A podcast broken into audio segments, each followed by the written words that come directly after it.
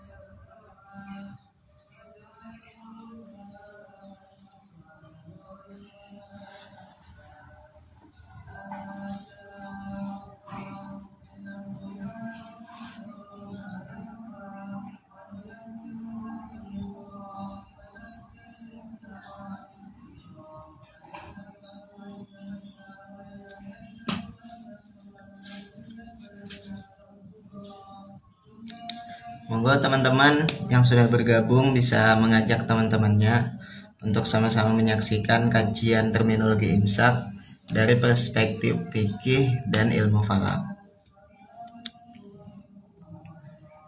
Oke, kita masih menunggu.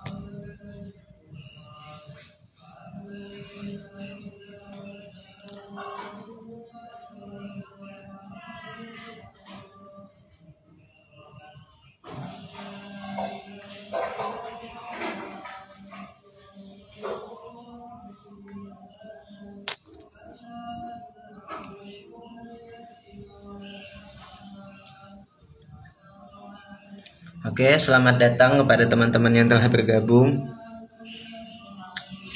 Bisa diajak teman-temannya yang lain ya untuk ikut menyaksikan kajian terminologi imsak dari perspektif fikih dan ilmu falak. Sebentar lagi akan kita mulai teman-teman. Kuliah Ramadan atau kurma. Kuliah yang tidak biasa.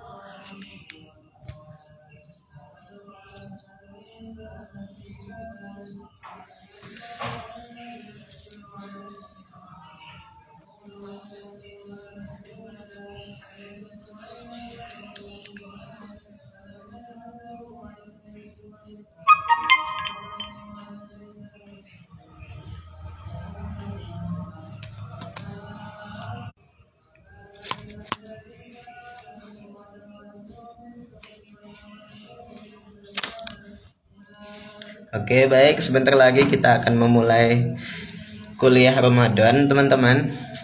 Monggo silahkan bisa mengajak teman-teman yang lain untuk ikut bergabung menyaksikan kajian tentang terminologi imsak dari perspektif fikih dan ilmu falak.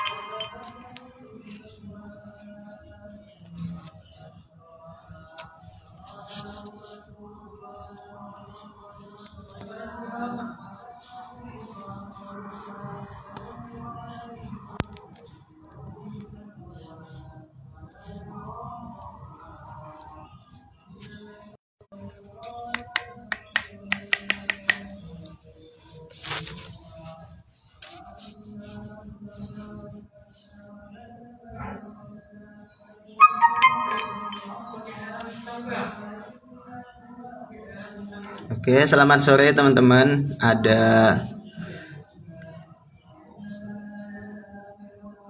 ada Mas Alvan Magfuri, ada Lapi Pro, Karina, Karina, Karin ya. Ada ketua CSS juga nih, ketua CSS UIN Wali Songo. Oke, selamat bergabung Mas Fadli Rahmadi. Semoga semuanya puasa ya. Apalagi yang cowok nih nggak ada yang bolong puasanya. Ini udah hari ke berapa ya? Senin Selasa Senin Selasa Rabu Kamis Jumat.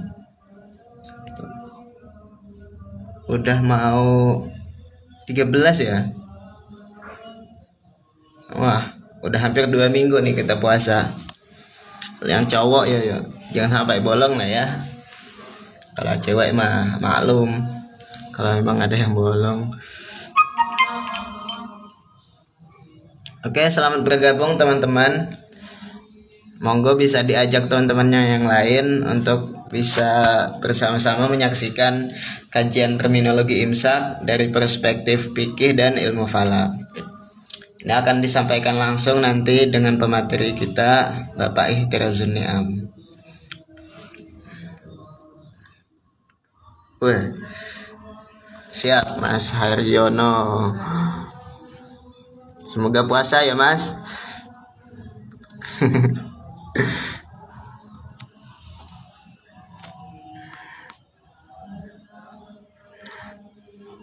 Wah, ada Mas Alpan juga mantan ketua CSS wah selalu setia nih ngikut setiap acara kalau Mas Alvan nih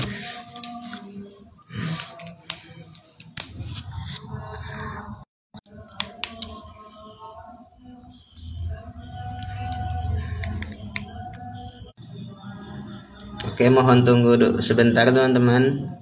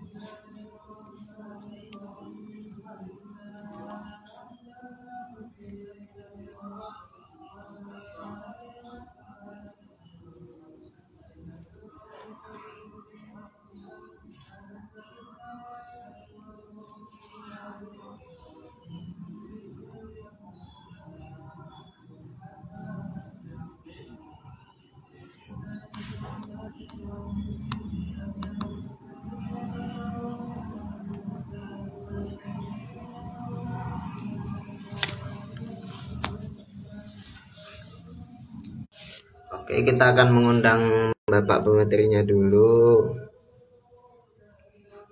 Sebentar ya.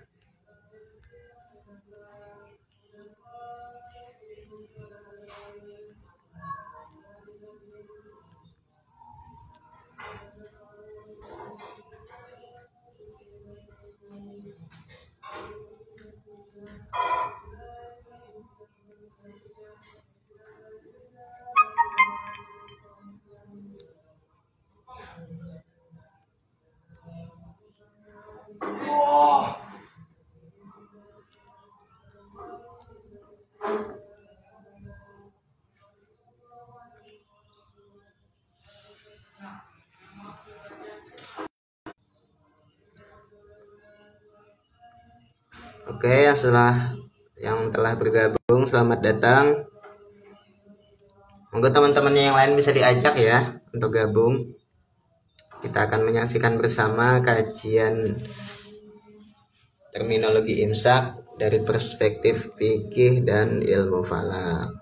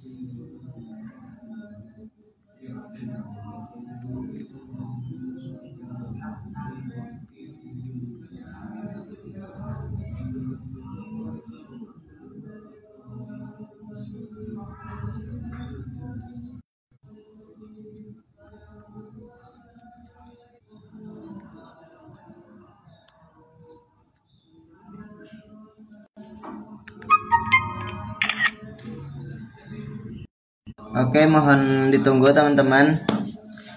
Ini kita lagi menghubungi Bapak pemateri. Nah, teman-teman yang lain mau bisa disampaikan ya untuk ikut bergabung dalam kajian kuliah Ramadan JSS Merayan Wali Songo ini.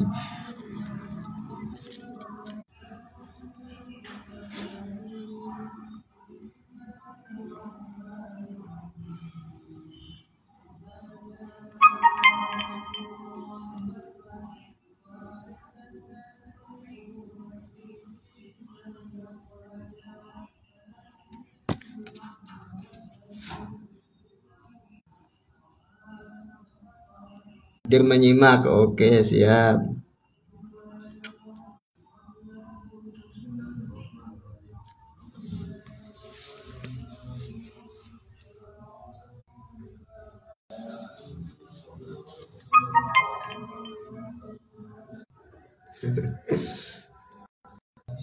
Oke, selamat bergabung teman-teman.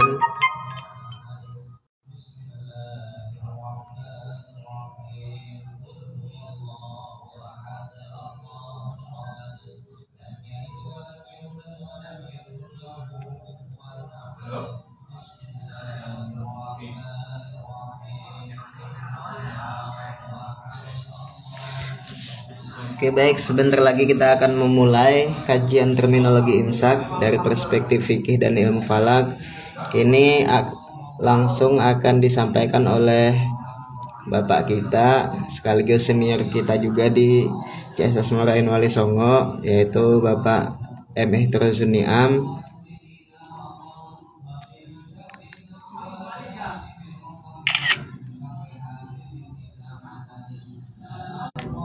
Oke, mohon ditunggu ya teman-teman.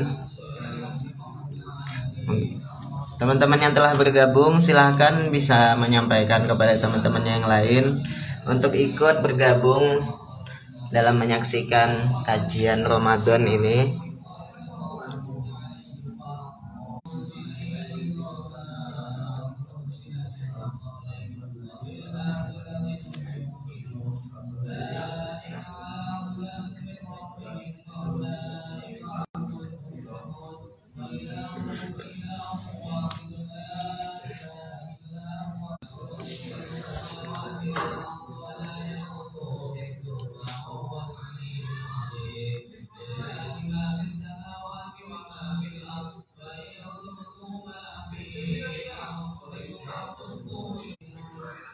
sambil menunggu teman-teman bisa sekalian ngundang teman-temannya yang lain ya untuk ikut bergabung dalam kajian Ramadan ini.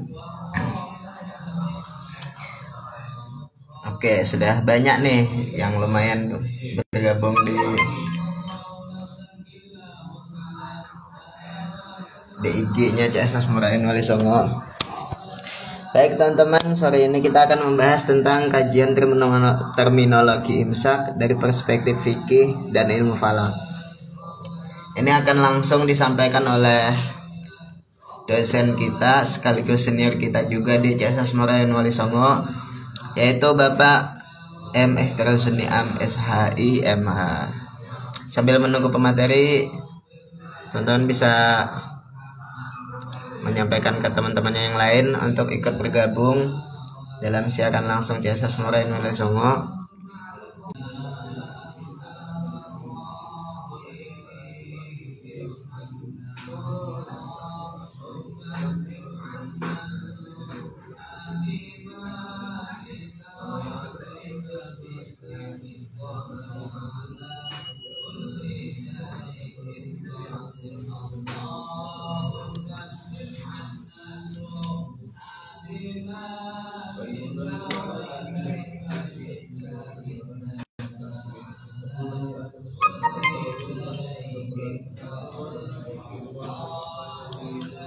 buka dulu mas. Hmm.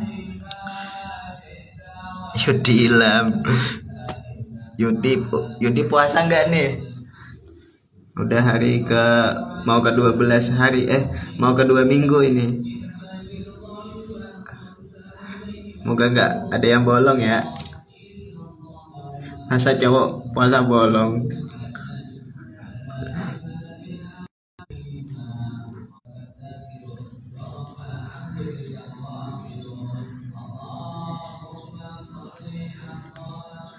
kak mage.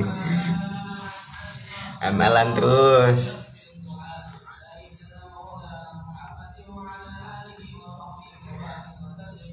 Ayo diajak teman-temannya yang lain ya. Ini kita nunggu pematerinya teman-teman. Oke slow aja. Uh ini Sani kenapa lagi? Uh. Uh doang ngaji ngaji. Ini yang di live skill pada ngaji ya. Lagi tadarusan puasa setengah mas. Masih belajar. Ya Allah. Udah tua loh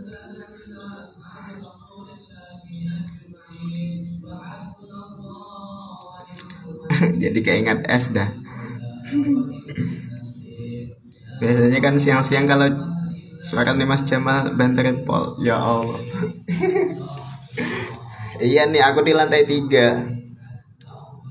Masih kedengaran ya? Apa harus pakai headset ya enaknya nih? Coba lah ya headsetan.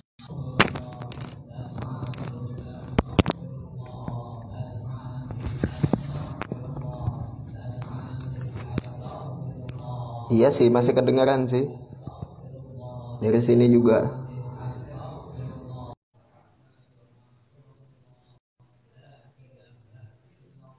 Halo Mas Arli, halo.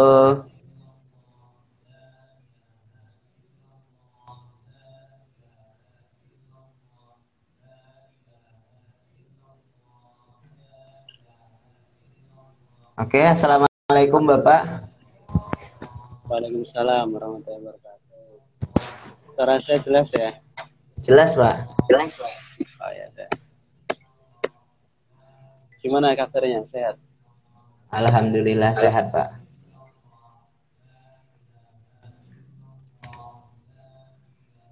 Oke, mungkin bisa langsung saja Pak disampaikan bagaimana kajian terminologi imsak dari perspektif fikih dan ilmu falak. Kepada Bapak dipersilahkan. Assalamualaikum warahmatullahi wabarakatuh. Waalaikumsalam warahmatullahi wabarakatuh. Bismillah, alhamdulillah. Salat wassalamu ala rasulullah. Sayyidina maulana Muhammad. Wa ala alihi wa sahbihi wa man tabi'a sunnatahu wa La haula wa la illa billah. Yang saya hormati, dan yang saya banggakan, panitia antara murid ini uh, dan semua peserta yang hadir, yang ikut partisipasi, yang join dalam uh, live pada sore hari ini. Tak lupa untuk moderator yang dari tadi sudah standby. Ya. Uh, Mungkin mikrofonnya bisa didekatkan lagi, Pak. Hmm. Ya. Tes jelas ya? Jelas, Pak. Ya. Alhamdulillah kita bisa uh, bersama-sama ini belajar sore-sore. Kalau di tradisi pondok itu ada yang ngaji, eh, ini ngabuburit puasa-puasa gini kita akan bicara satu tema menarik dalam falak ini uh, tentang terminologi imsak ya jadi bagaimana imsak itu yang berkembang di masyarakat, kemudian juga bagaimana perspektif falak, dan bagaimana kemudian fikih itu bicara tentang imsak. Sebelum kita lanjutkan bahasan kita pada sore hari ini, marilah kita baca fatihah dulu untuk mulai kajian pada sore hari ini. Ala diniyah wa ala kulli niyatin salihah. Al-fatihah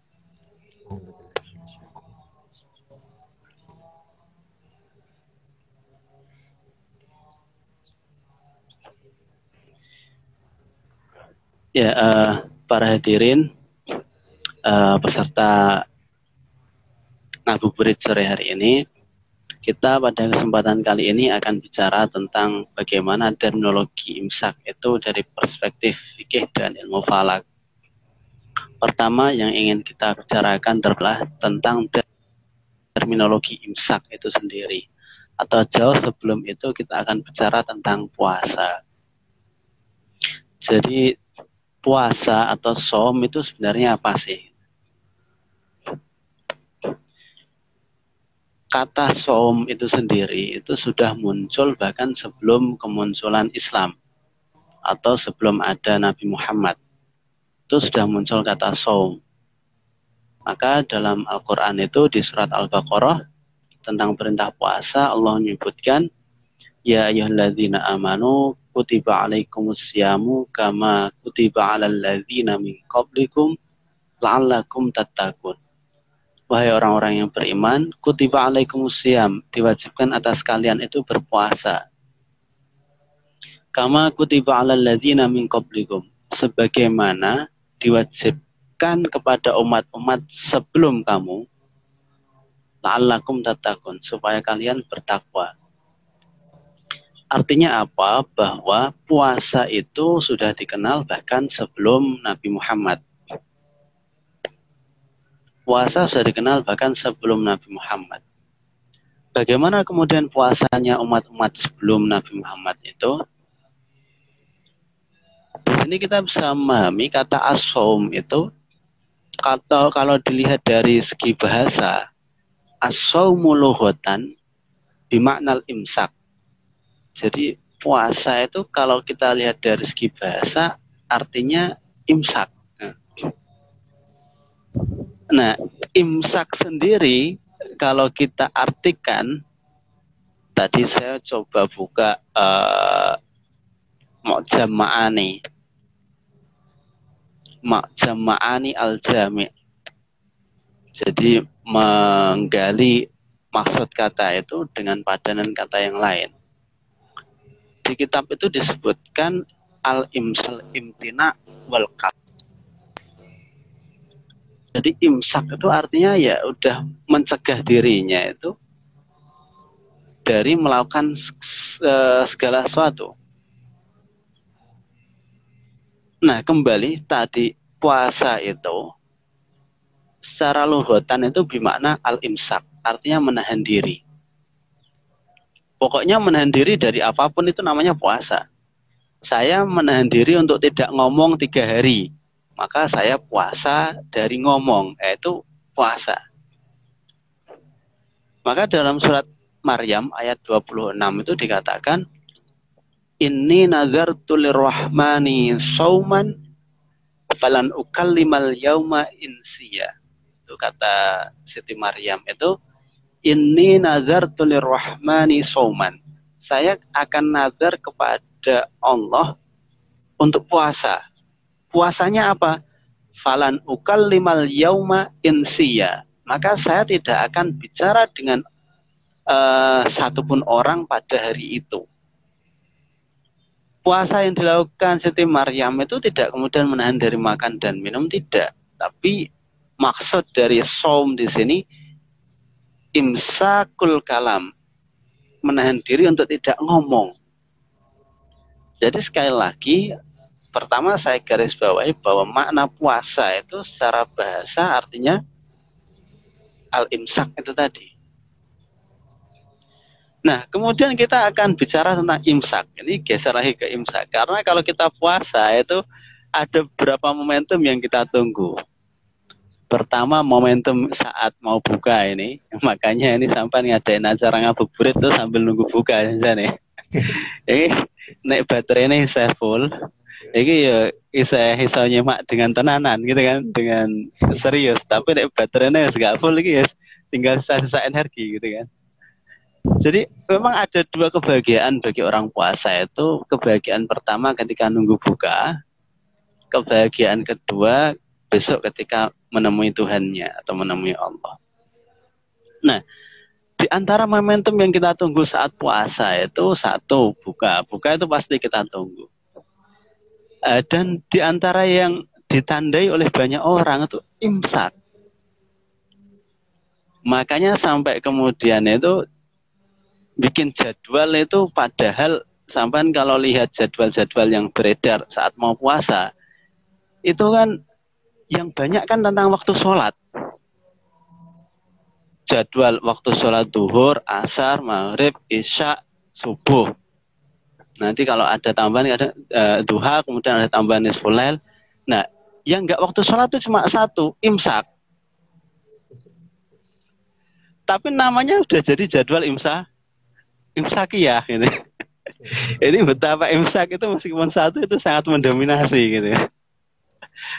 Makanya kemarin itu ada karena imsak itu salah satu uh, secara sosiologis itu satu uh, momentum yang dinanti-nanti uh, untuk orang-orang. Itu kemarin kan barusan ada artis itu yang ngupload di Instagramnya bagaimana orang ngumumin imsak itu dengan cara yang uh, mungkin agak keras di, di mikrofon itu dan didengar banyak orang itu karena di masyarakat kita imsak itu kemudian ya uh, salah satu di antara momentum yang ditunggu selain uh, berbuka itu.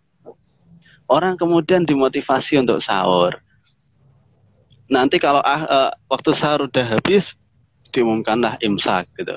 Dan banyak orang mengekspresikan uh, waktu imsak itu ada yang uh, pakai pukul-pukul, ada yang teriak-teriak, banyak sekali. Itu imsak. di masyarakat kita sudah uh, sangat familiar tentang imsak itu. Bahkan tadi saya katakan jadwal yang beredar itu meskipun lima waktu sholat itu disantumkan dan imsak itu hanya satu, nama jadwalnya tidak lagi jadwal waktu sholat maghrib, tidak ini tapi sudah jadi jadwal imsakiyah. Ini menariknya itu. Itu yang pertama.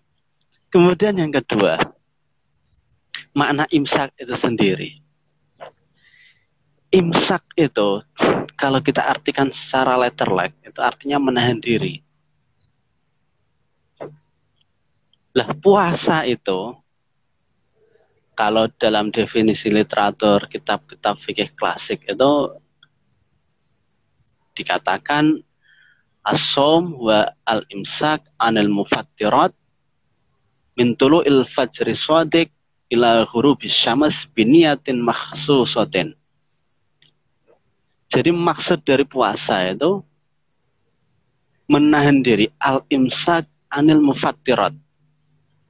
Ini al-imsak anil mufattirat. Ah, muncul muncul kata imsak lagi. Al-imsak anil mufattirat. Menahan diri dari hal-hal yang membatalkan puasa. Mintulu il fajri sodik. Mulai dari terbitnya fajar sodik. Ila ghurubis syamas.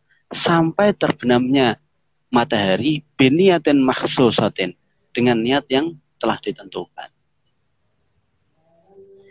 Kita perlu menggarisbawahi tentang waktu puasa ini. Artinya puasa itu dimulai saat mentuluil fajris sodik. Saat terbitnya fajar sodik. Selesainya kapan? Ila guru bisyamas. Sampai terbenamnya matahari. Ya, ini kalau saya komunikasi ini saya cuma bisa nanyai ke moderator ini karena cuma saya bisa menanya moderator saya tanya dulu moderatornya puasa tadi ya, dimulai ketika terbitnya fajar sodik fajar sodik saya tanya waktu sholat subuh itu mulainya kapan ya waktu fajar sodik pak yang nyemak juga bisa komen di kolom komentar. Waktu sholat subuh itu terbi- uh, mulainya kapan? Waktu munculnya Fajar Sodik. Waktu munculnya Fajar Sodik. Karena puasa mulainya saat terbitnya Fajar Sodik, subuh mulai saat terbitnya Fajar Sodik. Boleh nggak semisal di jadwal imsaki ya subuh itu jam 4 lebih 32. Saya jam 4 lebih 31 sahur, boleh nggak? Boleh toh, Pak? Boleh. boleh.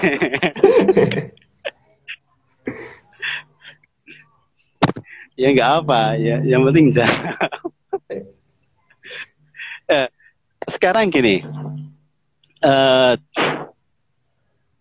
hanya apa kemudian urgensinya di situ disebutkan ada jadwal imsak, ada imsak. Hmm, untuk antisipasi, Pak. Antisipasi apa? Supaya kita itu tidak sahur pas tidak waktu masuknya fajar sodik. Nah, ini yang perlu kita perjelas.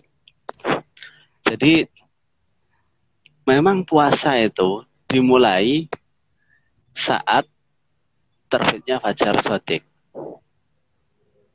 Loh, subuh itu kan ngitungnya juga saat terbitnya fajar sodik, Pak. Berarti boleh dong kita imsak saat, uh, berarti boleh dong kita sahur saat azan subuh.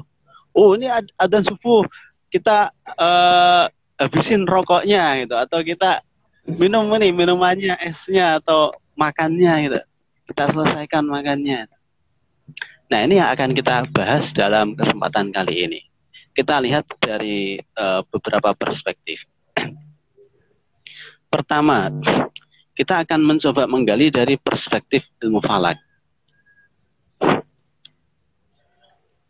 sebelum itu kita perlu pahami dulu maksud dari imsak uh, di kalangan sosial masyarakat kita. di kalangan masyarakat kita itu setiap sebelum uh, subuh dikumandangkan al imsak imsak imsak dengan berbagai cara dan berbagai ekspresi maksud imsak di situ itu imsak itu sudah menjadi sebuah idiom imsak itu punya makna sosiologisnya tersendiri bukan berarti saat masyarakat tuh ngomong imsak atau orang sudah mengumumkan imsak sesuai jadwalnya itu misal subuh jam 4.32, imsak jam 4.22, bukan berarti saat itu pula kita harus menahan diri dari hal-hal yang membatalkan puasa. Bukan berarti seperti itu. Tapi penjelasan saya ini tolong jangan dipotong ya. Nanti ini rangkaiannya masih panjang gitu. Kalau dipotong sampai selesai ini saya takutnya uh, salah salah tangkap nanti. ya, jadi saya runut lagi. Imsak kalau dari segi bahasanya itu yang menahan diri dari hal yang membatalkan puasa itu. Udah kita nggak melakukan hal apa pun tentang uh, atau yang bisa membatalkan puasa. Tapi kemudian pemanaan imsak sesuai dengan sosiolog uh, sesuai dengan kondisi sosial di masyarakat kita itu bukan berarti saat sudah dikumandangkan imsak itu kita nggak boleh melakukan apa pun itu tidak. Imsak itu seolah kemudian menjadi seruan untuk pengingat bahwa sebentar lagi kita akan mulai puasa. Ibarat sampan sedang di jalan itu melihat lampu, ada lampu merah, lampu kuning, lampu hijau. Sampan udah mau nyampe ke perempatan, oh lampunya udah kuning. Maka itu sebentar lagi merah. Supaya sampean ngeremnya nggak mendadak, supaya sampai aman ngeremnya nggak mendadak itu sebelum merah itu kuning dulu. Artinya kalau sudah kuning itu sudah pengingat kita bahwa sebentar lagi itu lampunya akan merah. Maka sudah seharusnya kita ngerem untuk tidak mancal gas lagi. Gitu. Takutnya apa? Kalau masih mancal gas itu nanti akan nabrak di e, marka jalan atau nabrak orang yang berada di e, lawan arah. Nah, kembali lagi ke pembahasan tadi. Imsak itu, ini kalau dari perspektif ilmu falak, orang menghitung imsak itu biasanya sederhana. Subuh dikurangi 10 menit. Nah, itu hasilnya waktu imsak. Subuh gimana ngitungnya? Subuh ngitungnya pertama tentukan tinggi mataharinya terlebih dahulu, yang sekarang sampai sekarang masih diperdebatkan itu tinggi matahari itu saat subuh belakangan ini mulai rame itu kalau tinggi matahari yang ditentukan bisa dihitung sudut waktunya dengan rumus cos cos sudut waktu sama dengan sin tinggi bagi cos tentang tempat bagi cos deklinasi kurangi tan tentang tempat kali tan deklinasi sudah ketemu nilai sudut waktunya, dicari nilai waktu hakikinya dengan rumus 12 tambah sudut waktu. Kalau subuh ya 12 dikurangi sudut waktu bagi 15. Sudah ketemu waktu hakikinya, kemudian dicari waktu daerahnya dengan rumus lagi kurangi question of time atau tampil wakat, kurangi kurung juga busur tempat, kurangi busur daerah bagi 15. Nah, jadilah kemudian waktu daerah. Waktu daerah artinya sudah sesuai dengan WIB, WITA, atau WIT. Nah, kemudian di waktu subuh itu ditambah ikhtiar dua menit. Nah, ini kita yang nggak boleh salah dalam memahami waktu subuh itu. Subuh itu sudah ditambah ikhtiar dua menit. Artinya apa? Bahwa semisal di jadwal imsakiyah kita, waktu sholat subuh itu tertulis jam 4 lebih 32, sejatinya terbitnya fajar sodik itu sudah jam 4 lebih 30 30. Ini perlu kita pahami. Semisal di jadwal waktu sholat kita, subuh itu dimulai jam 4 lebih 37, maka sejatinya terbitnya Fajar Sodik itu jam 4 lebih 3 di jadwal waktu sholat subuh itu, itu sudah ada penambahan ikhtiar dua menit. Itu dengan tujuan apa? Supaya kita tidak sholat sebelum masuk waktunya sholat subuh. Sehingga kalau semisal di jadwal waktu sholat subuh itu ditulis jam 4 lebih 32, meskipun terbitnya Fajar Sotik jam 4 lebih 30, kita nggak sholat jam 4 lebih 30 ini. Karena ditakutkan kalau kita sholat jam 4 lebih 30, ini Fajar Sotiknya belum benar-benar terbit. Maka supaya lebih meyakinkan, ada ikhtiat di situ ditambahi kehati-hatian jam 4 lebih 32. Logika waktu sholat subuh itu adalah logika takhir ditambah ikhtiat supaya kita itu tidak mendahului waktu sholat subuh. Nah, logika sholat ini itu berbeda dengan logika puasa. Logika puasa itu beda. Logika puasa, semisal sholat subuhnya itu di jadwal jam 4 lebih 32, sejatinya terbitnya fajar saja tidak saat itu. Sudah dua menit sebelumnya. Cuma karena kepentingan puasa, maka tambah dua menit supaya kita tidak sholat sebelum wak waktunya. Bagaimana kemudian dengan puasa? Kalau puasa itu kan logikanya, kita harus lebih dulu ngerem, kan gitu. Supaya kita sudah masuk fajar sodik tapi kita tidak kemudian masih makan gitu. Kita harus ngerem lebih awal gitu. Logikanya logika takdim gitu. Mendahulukan gitu. Maka semisal jam 4 lebih 32 adzan sholat subuh bukan berarti sampai jam 4 lebih 31 boleh sahur. Kenapa? Karena sejatinya tuluknya fajar tadi jam 4 lebih 30. Maka paling akhir kita sahur, semisal saat imsak itu kita masih belum sahur, ya kita imsaknya paling akhir ya jam 4.30. Jangan pas adzan subuh.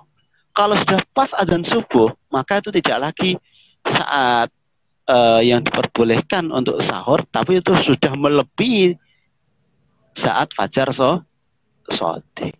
Nah ini yang perlu difahami bersama. Ini yang perlu difahami bersama. Jadi imsak, saya ulangi sekali lagi, terminologi imsak itu, itu untuk menandai bahwa sebentar lagi itu puasa akan dimulai. Bukan berarti saat imsak itu puasa sudah dimulai, bukan.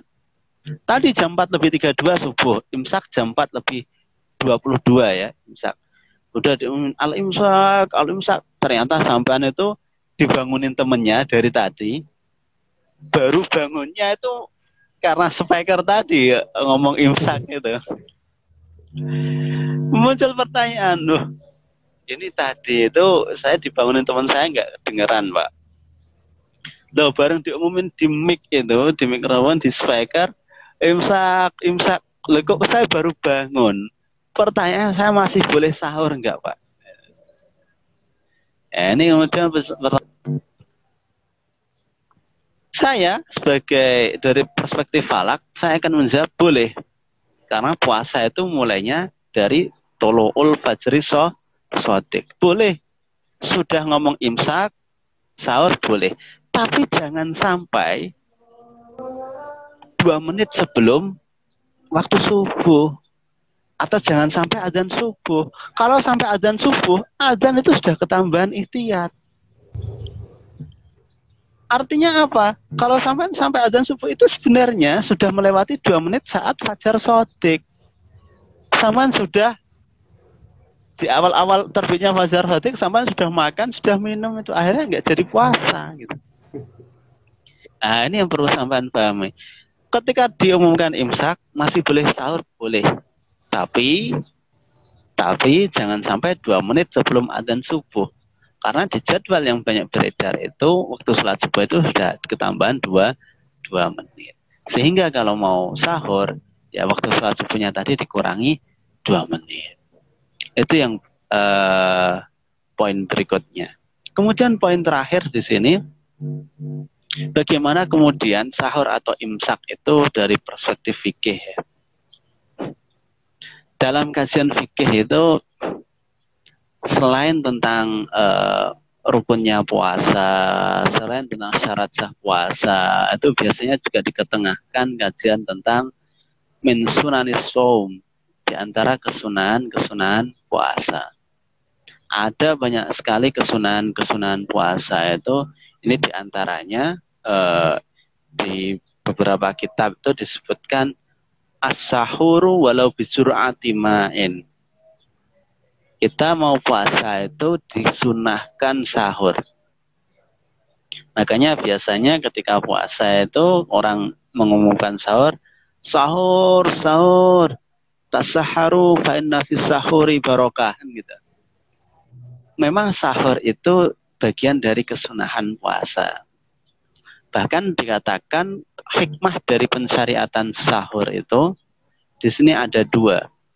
Pertama at-taqawi ala saum supaya kita puasanya itu kuat besok itu.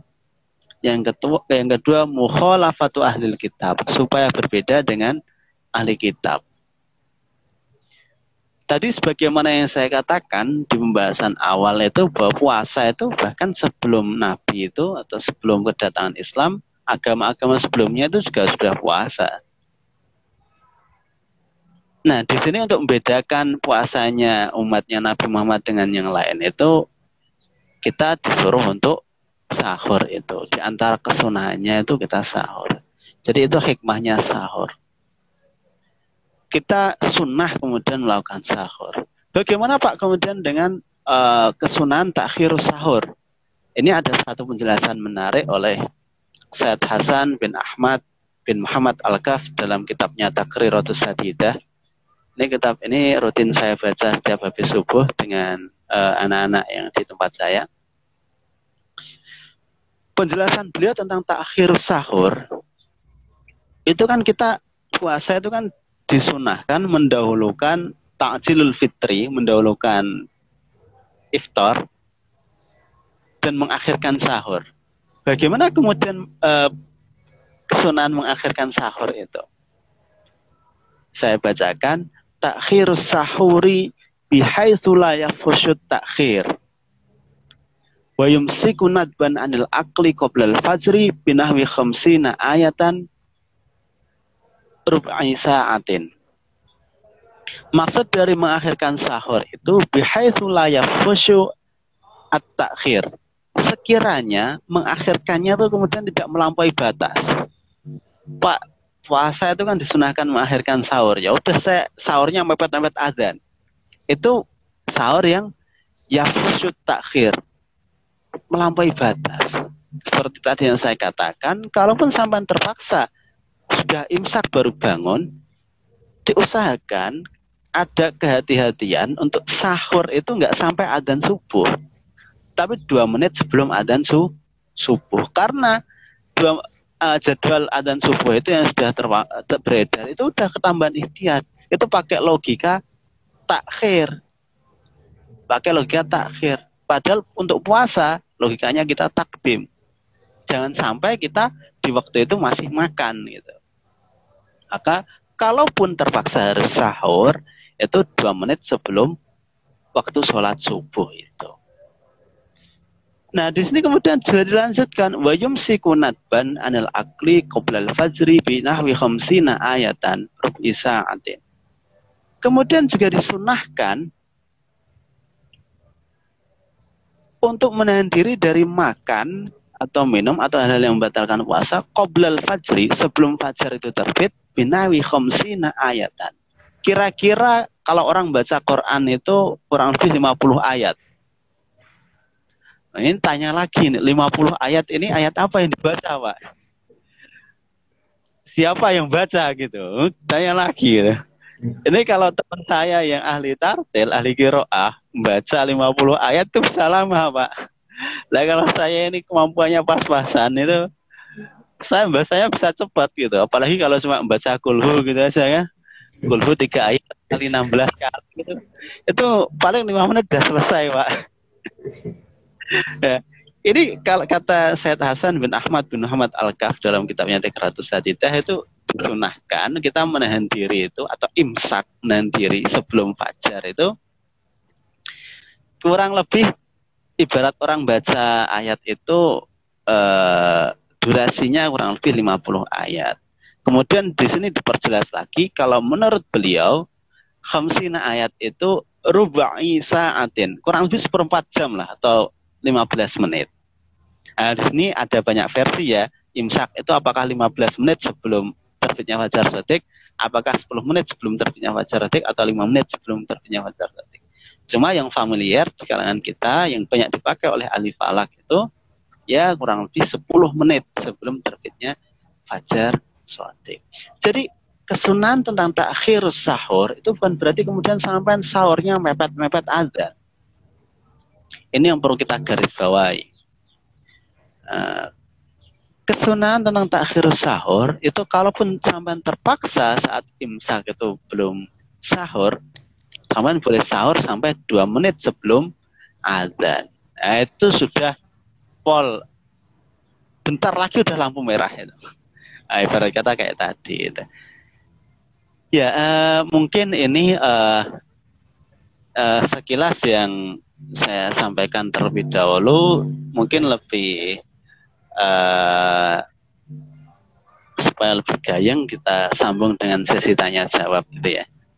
Uh, silahkan saya kembalikan lagi ke moderator. Ya, terima kasih kepada Bapak Ikran Suniam telah membahas tentang sahur dan puasa dari berbagai perspektif. Uh, kepada teman-teman yang ingin memberikan pertanyaan kepada pemateri, itu silahkan bisa menuliskan ya di kolom komentar atau langsung japri saja.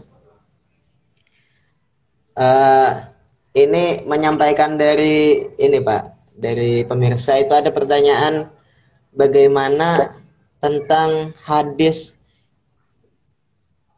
puasa apa tidurnya orang yang berpuasa itu ibadah. Nah penjelasan tidurnya itu yang bagaimana Pak? Apakah seharian boleh tidur atau gimana kayak gitu? Baik. Uh, ini memang uh, ini senjata paling efektif ya tidur ya.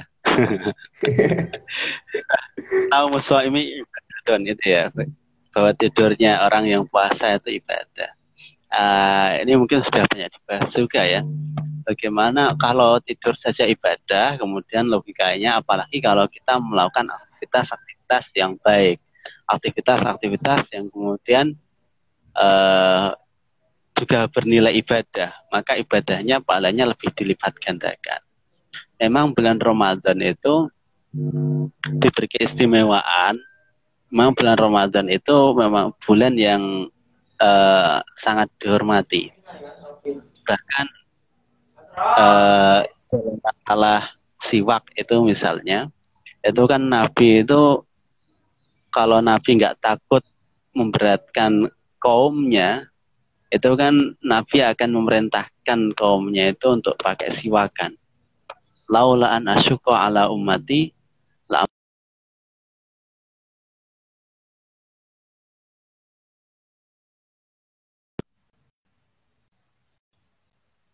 memerintahkan mereka. Saya sudah mewajibkan mereka untuk siwakan indah kulis sholatin setiap mau sholat. Tapi bagi orang yang puasa, nah siwak itu kan karena tadi nggak jadi wajib, turun hukumnya jadi sunnah muakkad. Istahab siwaku asyad istihbaban. Siwak itu sangat disunahkan itu ada di beberapa tempat. Pertama, habis diam lama, Kemudian mau bicara disunahkan siwakan.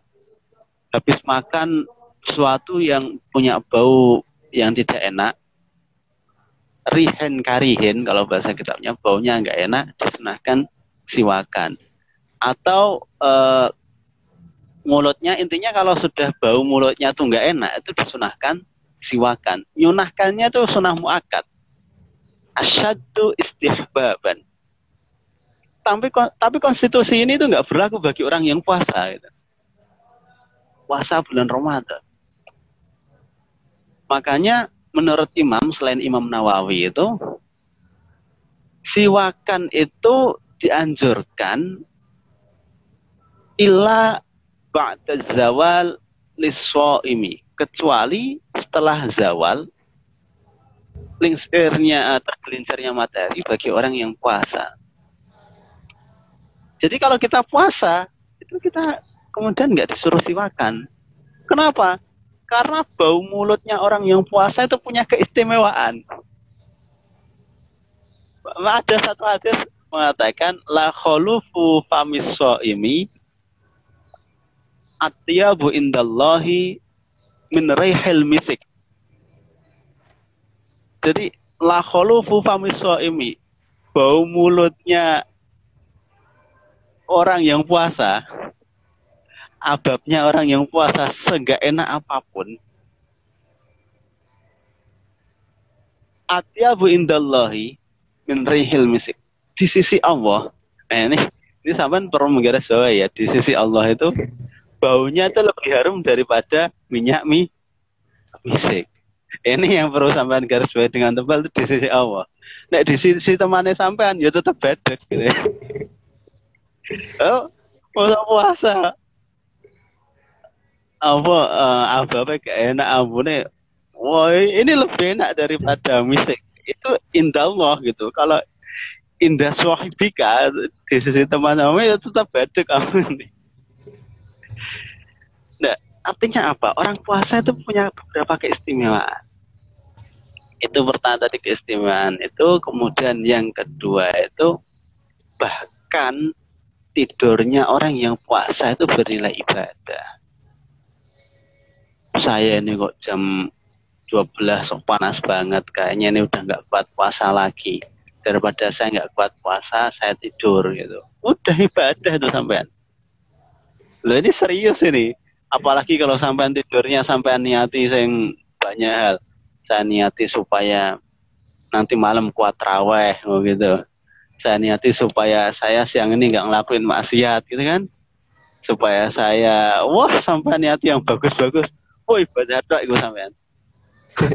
Ibadah lah jadi bangun saat sholat gitu. Habis sholat tidur lagi gitu, gitu aja ibadah apalagi mafhum muafakohnya ya apalagi kalau kemudian sampai puasa diisi ngaji, diisi belajar, diisi tadarus, diisi hal-hal positif yang lain. Wah, itu lipat ganda pahalanya itu wah sudah tapi berlipat-lipat. Nah, itu memang benar tidurnya orang yang beribadah itu tidurnya orang yang puasa itu ibadah. Masalah tidur itu wah ini kalau sampai tahu ilmunya itu luar biasa. Hanya sekedar tidur itu uh, luar biasa itu. Bahkan ada yang mengatakan itu uh, ya kalau orang punya ilmunya itu tidur itu kan bisa jadi ibadah. Tidur bisa jadi ibadah. Jangankan kita beribadah, tidur saja bisa jadi ibadah. Ya itu. Memang benar. Namun ini ibadah. Tidurnya orang yang puasa itu ibadah. Ya. Ada lagi pertanyaannya? Ini ada pertanyaan yang agak nyeleneh nih Pak. Ya, Bagaimana seandainya kalau masyarakat kita itu tidak ada imsaknya gitu Pak. Jadi tiba-tiba langsung azan aja. Nah itu kira-kira bakal jadi kayak apa gitu Pak? Ini bagaimana kalau uh, nggak pakai imsak gitu ya, langsung azan gitu ya? Oke. Okay. Uh, ya mungkin analoginya kalau di lalu lintas itu kayak gini ketika lampu itu cuma merah dan hijau gitu orang puasa tanpa ada komando imsak itu mungkin kayak lampu tanpa kayak lampu lalu lintas tanpa lampu kuning gitu. adanya merah sama hijau. Sampai lihat oh itu hijau. Semangat sampai gas uh, 80 km per jam itu kan? Eh ternyata uh, sudah lewat mark uh, sudah mau dekat marka itu marka jalan lampu merah gitu kan? Uh, kelewat akhirnya sampai ngerem nggak cukup? Ngerem nggak cukup uh, sekarang ini udah ada e-tilang gitu ya. Uh, tilang lewat elektronik. Wah, sampai mau ngelak itu ada CCTV-nya, ada rekaman videonya, udah nggak bisa. Begitu juga ketika orang puasa itu. Kalau nggak dikasih lampu hijau yang imsak itu tadi, oh bisa-bisanya dia masih pede gitu. Bangun tidur gitu kan, bangun tidur dia biasanya bangun tuh jam 3 padahal semalam itu habis begadang jam satu baru selesai begadang ngerjain UTS atau UAS ya. lah bangun itu jam 4 atau udah setengah lima. Ede dia. Wah ini kalau melihat di jendela masih masih gelap ya itu. Atau mungkin dia kamarnya nggak ada ventila nggak ada jendelanya nggak ada bedanya antara muncul fajar sodik atau enggak gitu pede dia. Bikin sarimi uh, ngerebus sarimi um, instan bikin kopi bikin susu dia nggak tahu bahwa itu sebenarnya sudah masuk waktu sholat subuh. Atau tahu-tahu udah baru mie instannya baru jadi kopinya baru jadi itu azan subuh ini kan kayak orang tadi udah ngegas 80 km per jam. Eh tahu-tahu lampu merah. Ini mau berhenti udah nanggung ngegasnya. Mau diterabas nanti kena polisi, kena tilang. Ini mau berhenti ini udah tanggung, udah bikin mie instan, udah bikin susu. Tapi kalau udah bikin kopi, tapi kalau lanjut nggak jadi puasa. Nah, itulah bagaimana dulu ulama-ulama kita itu punya kearifan. Bagaimana ulama-ulama kita dulu itu bijak menyikapi hal ini. Oh, supaya kita itu hati-hati, dibikinlah imsak gitu. gitu. Jadi eh, bahkan biasanya orang ngumumin imsak, imsak, imsak, uh, sahur gitu kan, orang ngumumin sahur. Waktu imsak tinggal sekian menit lagi yang belum sahur silahkan sahur. Yang pertama, yang belum niat silahkan niat. Termasuk masalah niat. Semisal udah masuk imsak, boleh nggak kemudian kita susul niat? Boleh, asal tadi belum nyampe dua menit sebelum subuh. Gitu. Ya, itu jawaban dari saya. Ada lagi? Uh, mungkin itu saja sih Pak dari teman-teman uh, juga. Ya. Hmm. Mungkin Bapak bisa menyampaikan closing statement, Mbak, untuk sesi kali yeah. ini. Ya, uh, terakhir closing statement dari saya bahwa kita itu ibadah, ibadah apa pun itu sudah ada aturannya. Saya sering menyampaikan ini bahwa kalau kita ibadah itu kita juga harus punya ilmunya.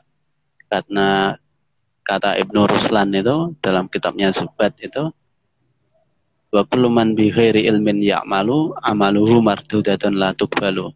Setiap orang yang beramal tanpa ilmu itu amalnya nanti akan ditolak, tidak diterima. Wa kullu man bi ghairi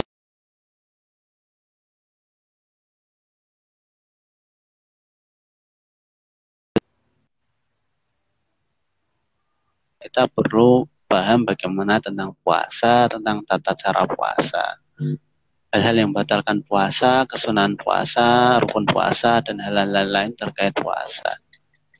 Nah, selain itu, kita itu madhab syafi'i, kita sebagai pengikut madhab syafi'i, atau kita sebagai orang yang uh, tahu, itu kita perlu hati-hati dalam setiap ibadah kita. Hati-hati itu sebagai uh, dalam hal ini jangan sampai kemudian jangan sampai kemudian ibarat sholat kita itu melakukannya sebelum waktunya. Itu yang pertama. Ibarat puasa jangan sampai sudah seharusnya sudah waktunya kita menahan diri sudah seharusnya kita sudah memulai puasa tapi kita masih makan atau minum. Itu artinya kita tidak berhati-hati gitu. Nah, ikhtiat atau hati-hati itu sangat penting. karena kita nggak tahu apakah amal kita itu bahkan diterima oleh Allah atau tidak gitu kan. Kita sholat sudah memenuhi syarat rukunnya sholat itu masih belum tentu sholat kita itu diterima oleh Allah gitu kan. Termasuk juga kalau kita puasa syarat puasa sudah kita penuhi rukunnya sudah kita lakukan itu saja masih tanda tanya gitu. Apakah nanti puasa saya ini diterima oleh Allah gitu uh, di antara ikhtiar kita itu ya kita hati-hati saat menjalankan ibadah itu. Lawang kita sudah memenuhi syarat rukunnya saja belum tentu diterima oleh Allah gitu kan. Apalagi kita sembrono. Gitu. Nah Allah sudah membuat aturan-aturan itu yang kemudian tertuang dalam fikih. Tinggal kita pelajari bagaimana itu fikihnya. Kalau sudah tahu ya bagaimana kita mengamalkan itu ilmunya. Itu, itu dari saya terakhir jangan sampai berhenti belajar dan setiap apa pun amal ibadah kita, apa pun yang kita lakukan, kita wajib mendasarinya dengan ilmu. Wa kullu man bi ghairi ilmin ya'malu amaluhu mardudatun lah tubalu. Itu mungkin dari saya uh, untuk moderator, untuk segenap pemirsa uh, acara uh, apa? Acara uh, kurma ngabuburit pakai kurma ini ya. Tapi jangan makan kurma dulu. Ini kita mendengarkan kurma dulu supaya nanti nggak batal puasanya. Ya saya mohon maaf kalau selama acara ini ada salah tutur kata saya. Selama menyampaikan materi ini selama berdiskusi dengan kalian mudah-mudahan ada manfaat dan berkahnya. Itu saja dari saya. Akhirul kalam. Wallahul muwaffiq. Ila aqwamit Wassalamualaikum warahmatullahi wabarakatuh. Waalaikumsalam warahmatullahi wabarakatuh. Baik, terima kasih kepada Bapak Ikhtiar Zuniam telah menyampaikan materi yang sangat luar biasa sekali. Mungkin itu saja yang dapat kita Terima kasih kepada teman-teman yang telah mengikuti. Terima kasih kepada Bapak dan juga semoga apa yang kita sampai apa yang kita dengarkan pada sore hari ini dapat bermanfaat dan kita dapat meningkatkan kualitas diri kita secara pribadi. Mungkin saya sebagai moderator juga banyak meminta maaf jika banyak kata-kata yang salah. Itu saja mungkin dari saya sebagai pendamping dalam kegiatan kuliah Ramadan dari Tiasa Sumra Win Wali Songo ini. Terima kasih banyak kepada pemirsa. Wallahu a'lam bisawab. Assalamualaikum warahmatullahi wabarakatuh. Waalaikumsalam warahmatullahi wabarakatuh.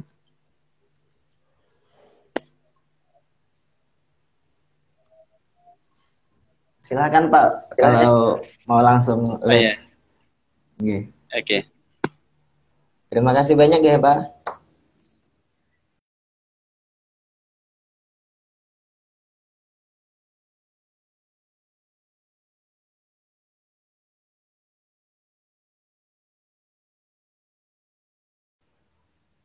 Oke, terima kasih teman-teman. Menu Google eh Google apa? Instagram TV ya. Di TV-nya CSS Morawin Wali Songo. Nanti teman-teman klik di situ bisa menyaksikan rekamannya dari awal hingga akhir. Ya, mungkin itu saja teman-teman. Terima kasih.